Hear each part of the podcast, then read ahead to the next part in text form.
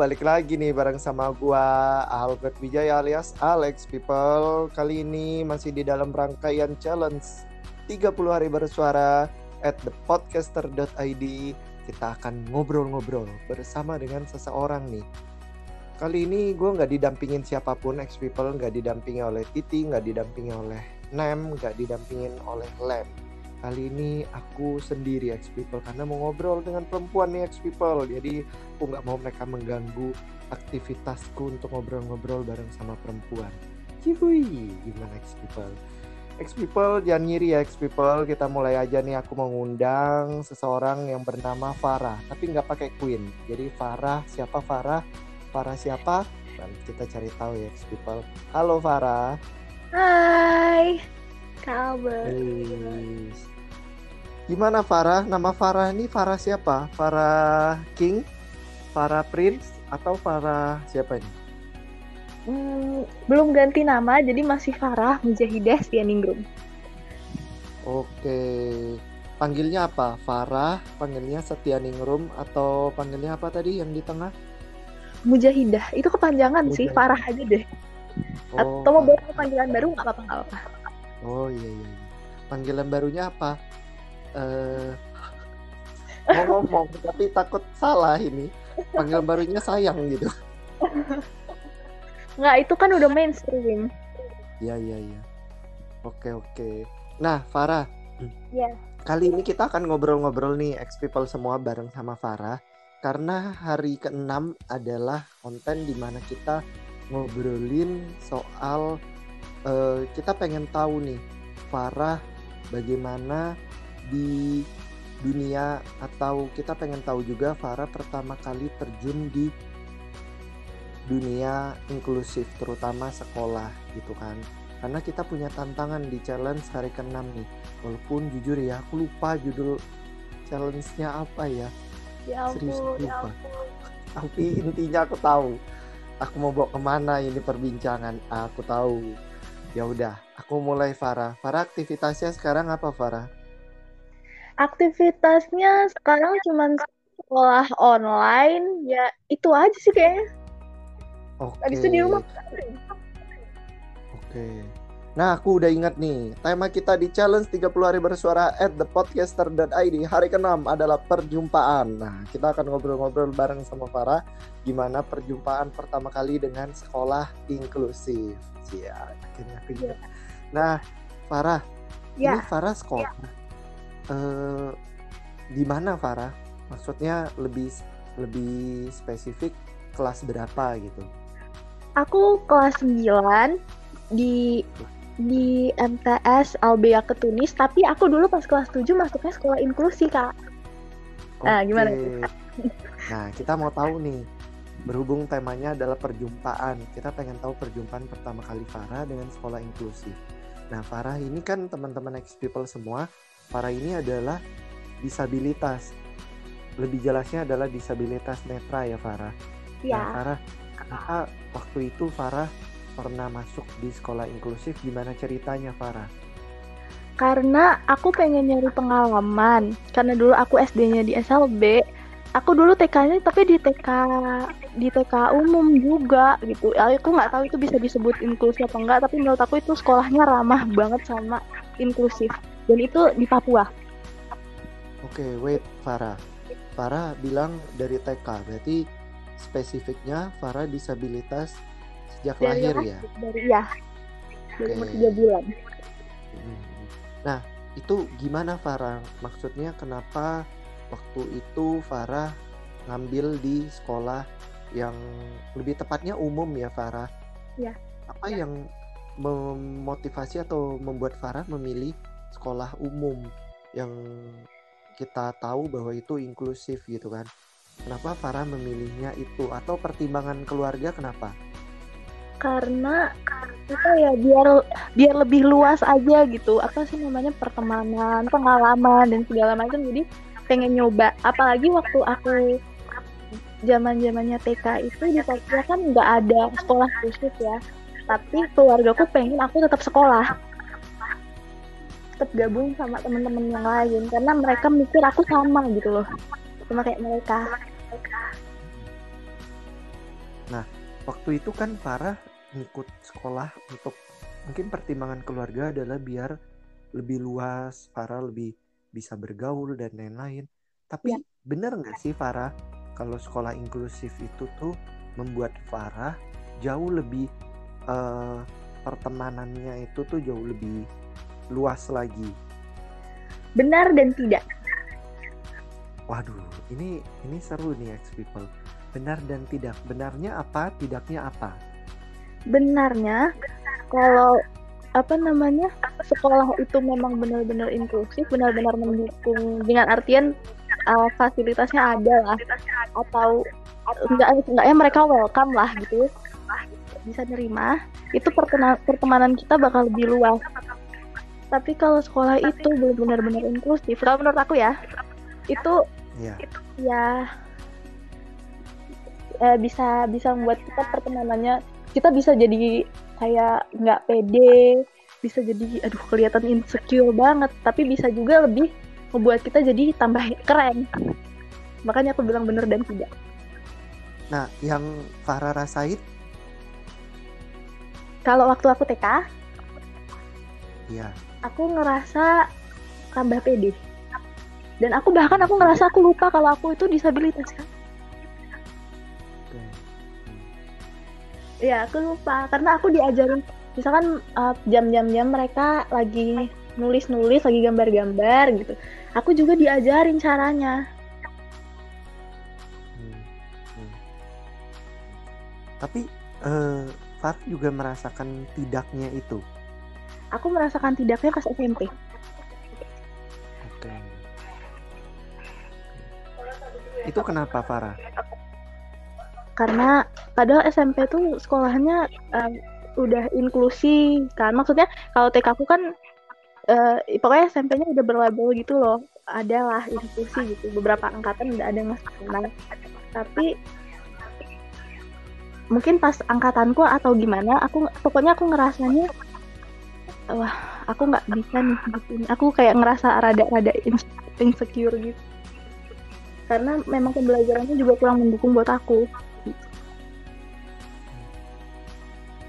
Mungkin kita bakalan cari tahu ya, ex people semua, kenapa itu dari perjumpaan sampai mungkin kita bisa bilang apakah kalau dibilang sebuah cinta itu adalah sebuah kayak ketika kita merasakan jatuh cinta atau kayak kita merasakan relationship nggak tahu ya Farah udah pernah atau belum itu kan kayak eh, apa ya perjumpaan pertama itu tuh berkesan banget kan.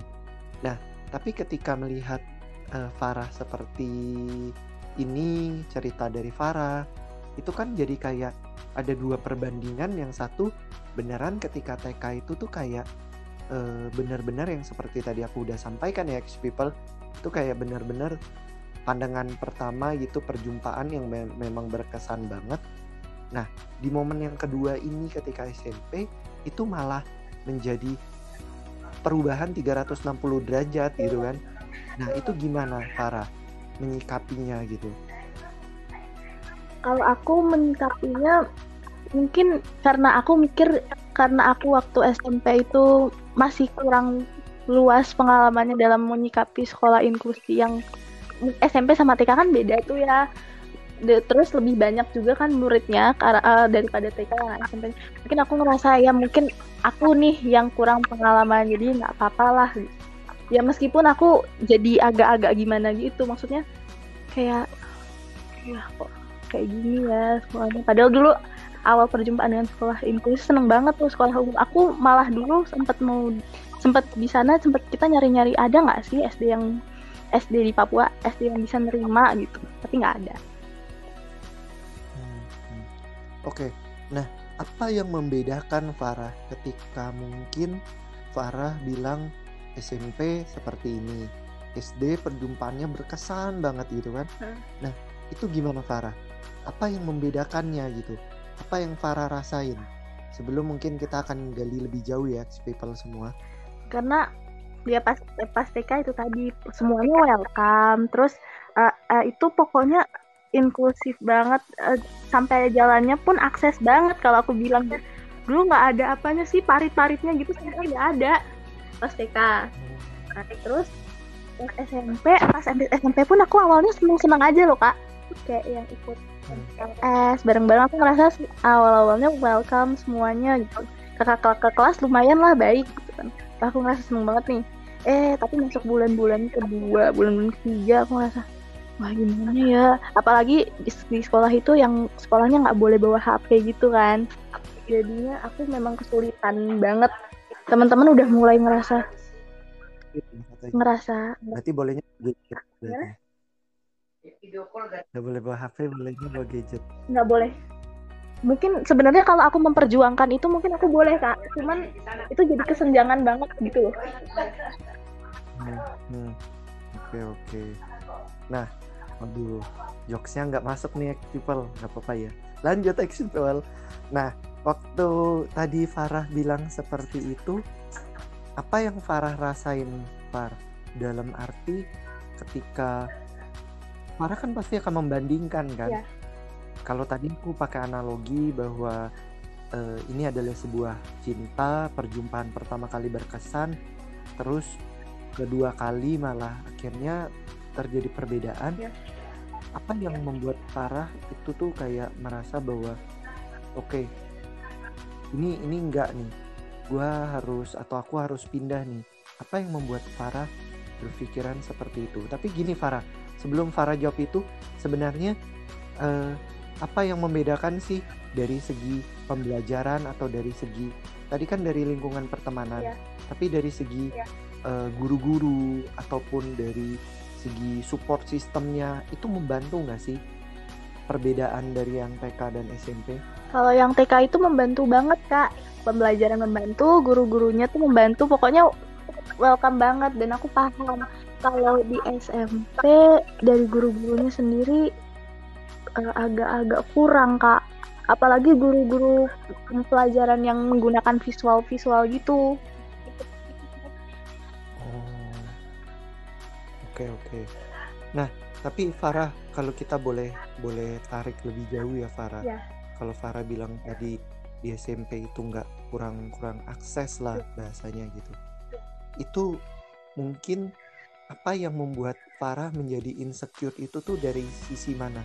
Atau semuanya itu tuh mempengaruhi diri Farah sampai Farah bisa merasakan insecure gitu? Dari sisi uh, karena di bulan-bulan ke dua ketiga tuh aku banyak banget ketinggalan pelajaran. Banyak banget. Bentar dong. Kalau nggak tarik suruh berhenti pelajaran tidak lucu ya kayaknya teks itu ya udah lanjut pak lanjut. Oke okay, apa nih?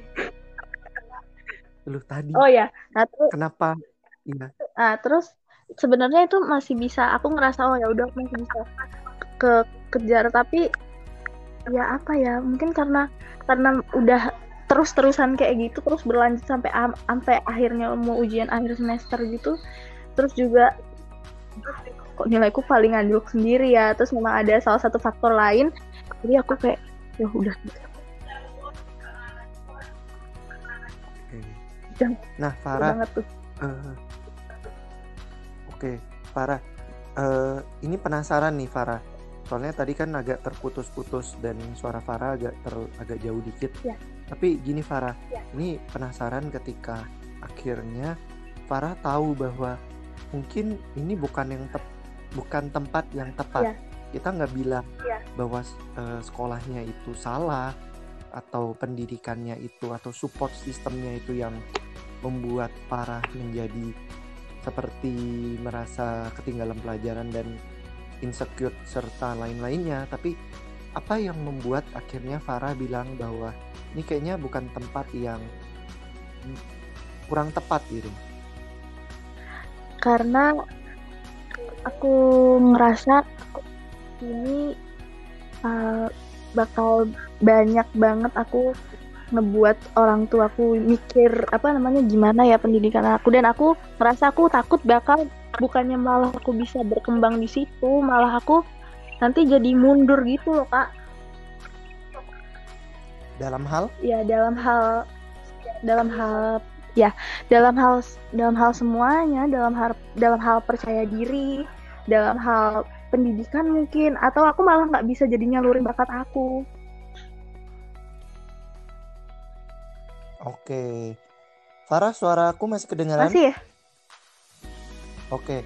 Nah Farah kalau kita mau coba lebih tahu gitu kan uh, secara lebih jauh lagi akhirnya apa yang membuat Farah benar-benar mutusin oke okay, aku kayaknya harus pindah nih atau aku harus cari pelabuhan yang baru kalau tadi bilangnya soal cinta gitu ya. kan. Ya. Karena ini sih kan orang tua sih. Orang tua akhirnya ngomong gini kayaknya kamu nggak bisa lagi misi maksudnya udah kita nggak kita kita udah nih udah kasihan nih sama kamu. Terus ya udah gimana kalau kita cari ayah sih yang ngomong gitu? Oh, ayah. Ya. okay. terus? Ya terus gimana kalau misalkan kita cari sekolah yang baru yang mungkin bisa lebih akses buat kamu gitu-gitu. Terus ya udah aku mikir iya juga ya gitu kan. Akhirnya aku fix nih mutusin pas setelah ujian akhir semester awal satu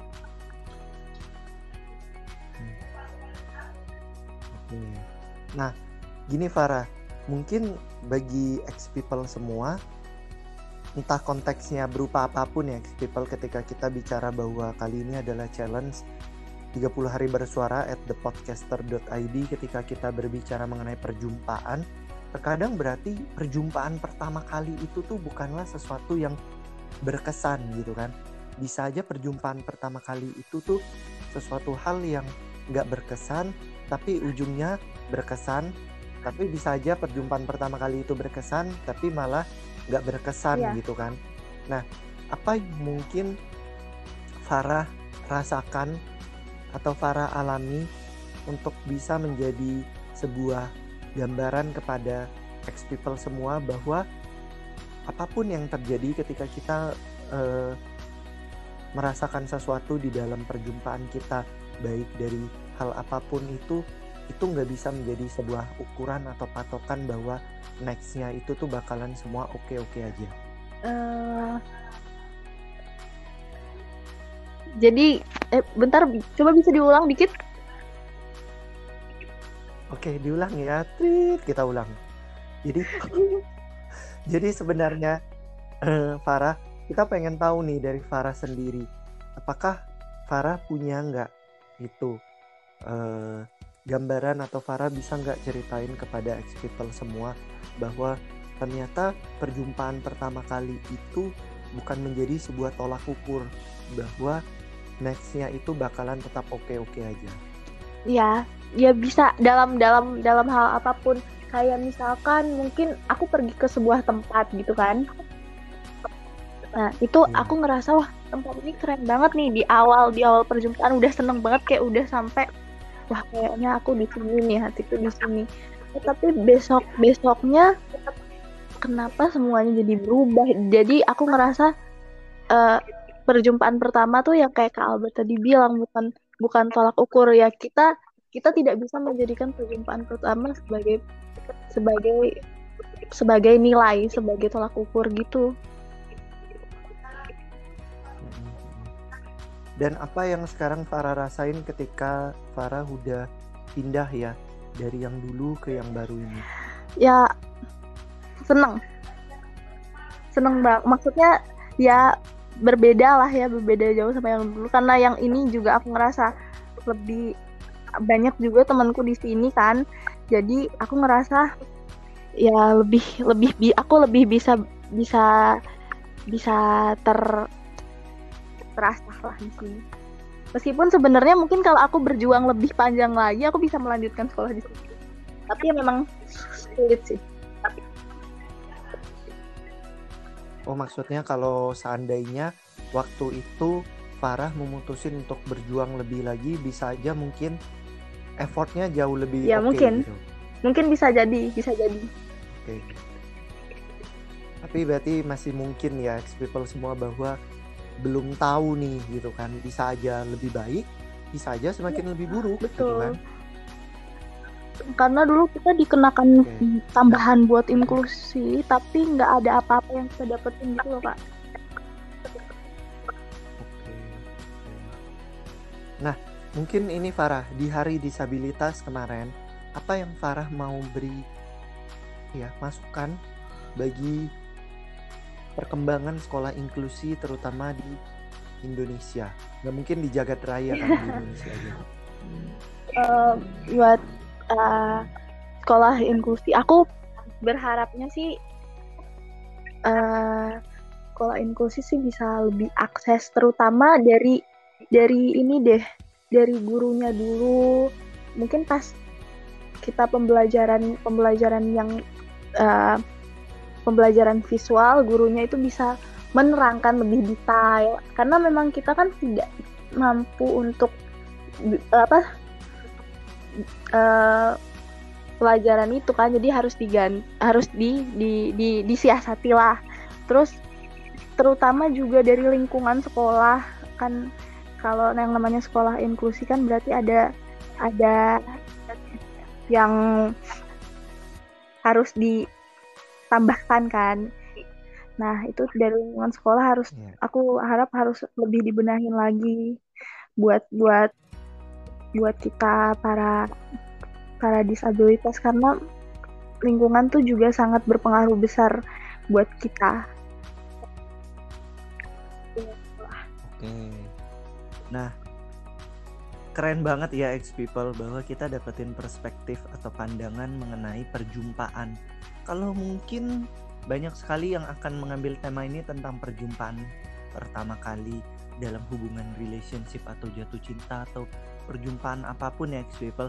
Tapi X Factor Podcast mengundang Farah sebagai salah satu disabilitas untuk boleh kita ajak berbincang-bincang tentang perjumpaan pertama kali di sekolah inklusi sampai akhirnya Farah mutusin untuk mungkin di saat ini Farah bersekolah di sekolah non inklusi. Nah, Ya. Farah, tadi aku udah minta Ya. closing statement dari Farah nih untuk perkembangan sekolah inklusi. Sekarang aku mau minta Farah untuk bagikan tips dan trik selama Farah di sekolah inklusi buat teman-teman disabilitas yang akan dengerin podcast ini ataupun buat orang-orang lainnya kalau tadi dari non disabilitas kita udah dapetin bahwa lingkungan harus mendukung sekarang gimana buat teman-teman disabilitas supaya tetap nih ketika mereka udah masuk mungkin ada belum tahu ya kemungkinannya seperti apa tapi kita harapin bahwa semuanya positif apa yang harus mereka lakukan atau ada nggak tips-tips serta quotes yang Farah ingin berikan kepada teman-teman disabilitas. Oke, nanti juga aku SF bakal ngelanjutin sekolah di sekolah yang mungkin aku cari sekolah inklusi lagi. Jadi oke. Wah, berarti nggak kapok Enggak, ya karena- Farah? Karena menurut gitu aku tidak semua sekolah seperti itu. Oke. Jadi aku boleh pakai analogi lagi ya, people semua bahwa ibarat sebuah percintaan. Perjumpaan pertama kali itu pastinya akan berkesan, lalu dilanjutin oleh proses sehingga membuat kita itu bisa aja merasa itu tidak oke. Namun tidak akan pernah kapok untuk kembali mencoba dan kembali membuka hati untuk masuk di dalam sebuah hubungan relationship. Wih, gila ya. Gimana Farah? Apa quotes-nya Farah? Jadi yang pertama adalah em, percaya diri. Percaya diri itu akan membuatmu eh, percaya diri meski berbeda. Karena berbeda itu akan bakalan membuat bakalan buat teman-teman semuanya jadi terlihat keren. Terus yang kedua adalah karena teman-teman karena em, di inklusi itu kita biasanya punya teman-teman banyak ya teman-teman yang baru. Kayak aku dulu waktu awal-awal masuk inklusi aku temennya baru semua. Itu kayak aku nggak eh, punya punya punya tapi nggak sekelas. Jadi aku temennya baru semua. Itu kita yang mengenali perkenalan kita yang harus ngawalin kayak hai kita yang harus say hi sama mereka. Karena kalau nggak aku udah nyoba dulu. Kalau nggak memang susah buat mendapatkan teman ya Nah, ada lagi nggak? Itu sih apa tips yang paling utama adalah percaya diri meski beda dan ya mengawali perkenalan sih.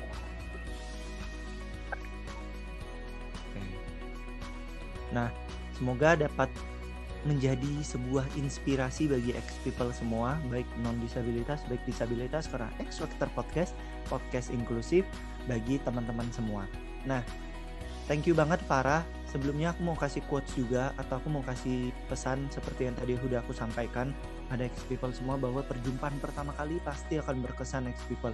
Mau berkesan mau tidak, tapi jangan pernah ragu dan jangan pernah malu untuk kembali mencoba membuka diri, membuka hati people semua untuk boleh kembali merasakan dan kembali masuk ke dalam lingkungan atau perjumpaan dengan siapa pun yang atau apa pun yang kita Betul. dapatkan. Jadi jangan pernah kapok ex people intinya. Oke. Okay. Terima kasih Thank juga. banget ya Farah. Banget bisa ngobrol-ngobrol di sini. Ngobrol-ngobrol. Oke. Okay. Oh, Enggak, kamu oh, di aku di sana. Di sana, aku di sini, benar. Iya, aku di sana. Aku di sini, aku di sini, kamu di sana. Aku di Kamu di sana, aku di sini. Iya, daripada daripada semakin ribet ex people, lebih baik thank you banget ex people yang sudah mendengerin. Jangan lupa follow Instagram X Factor Podcast di @xfactorpodcast. Thank you banget Farah, thank you banget X People dan tetap pantengin X Factor Podcast karena masih dalam rangkaian 30 hari bersuara at thepodcaster.id. Thank you banget, gue Albert Wijaya alias Al pamit undur diri. Sampai jumpa lagi di X Factor Podcast berikutnya.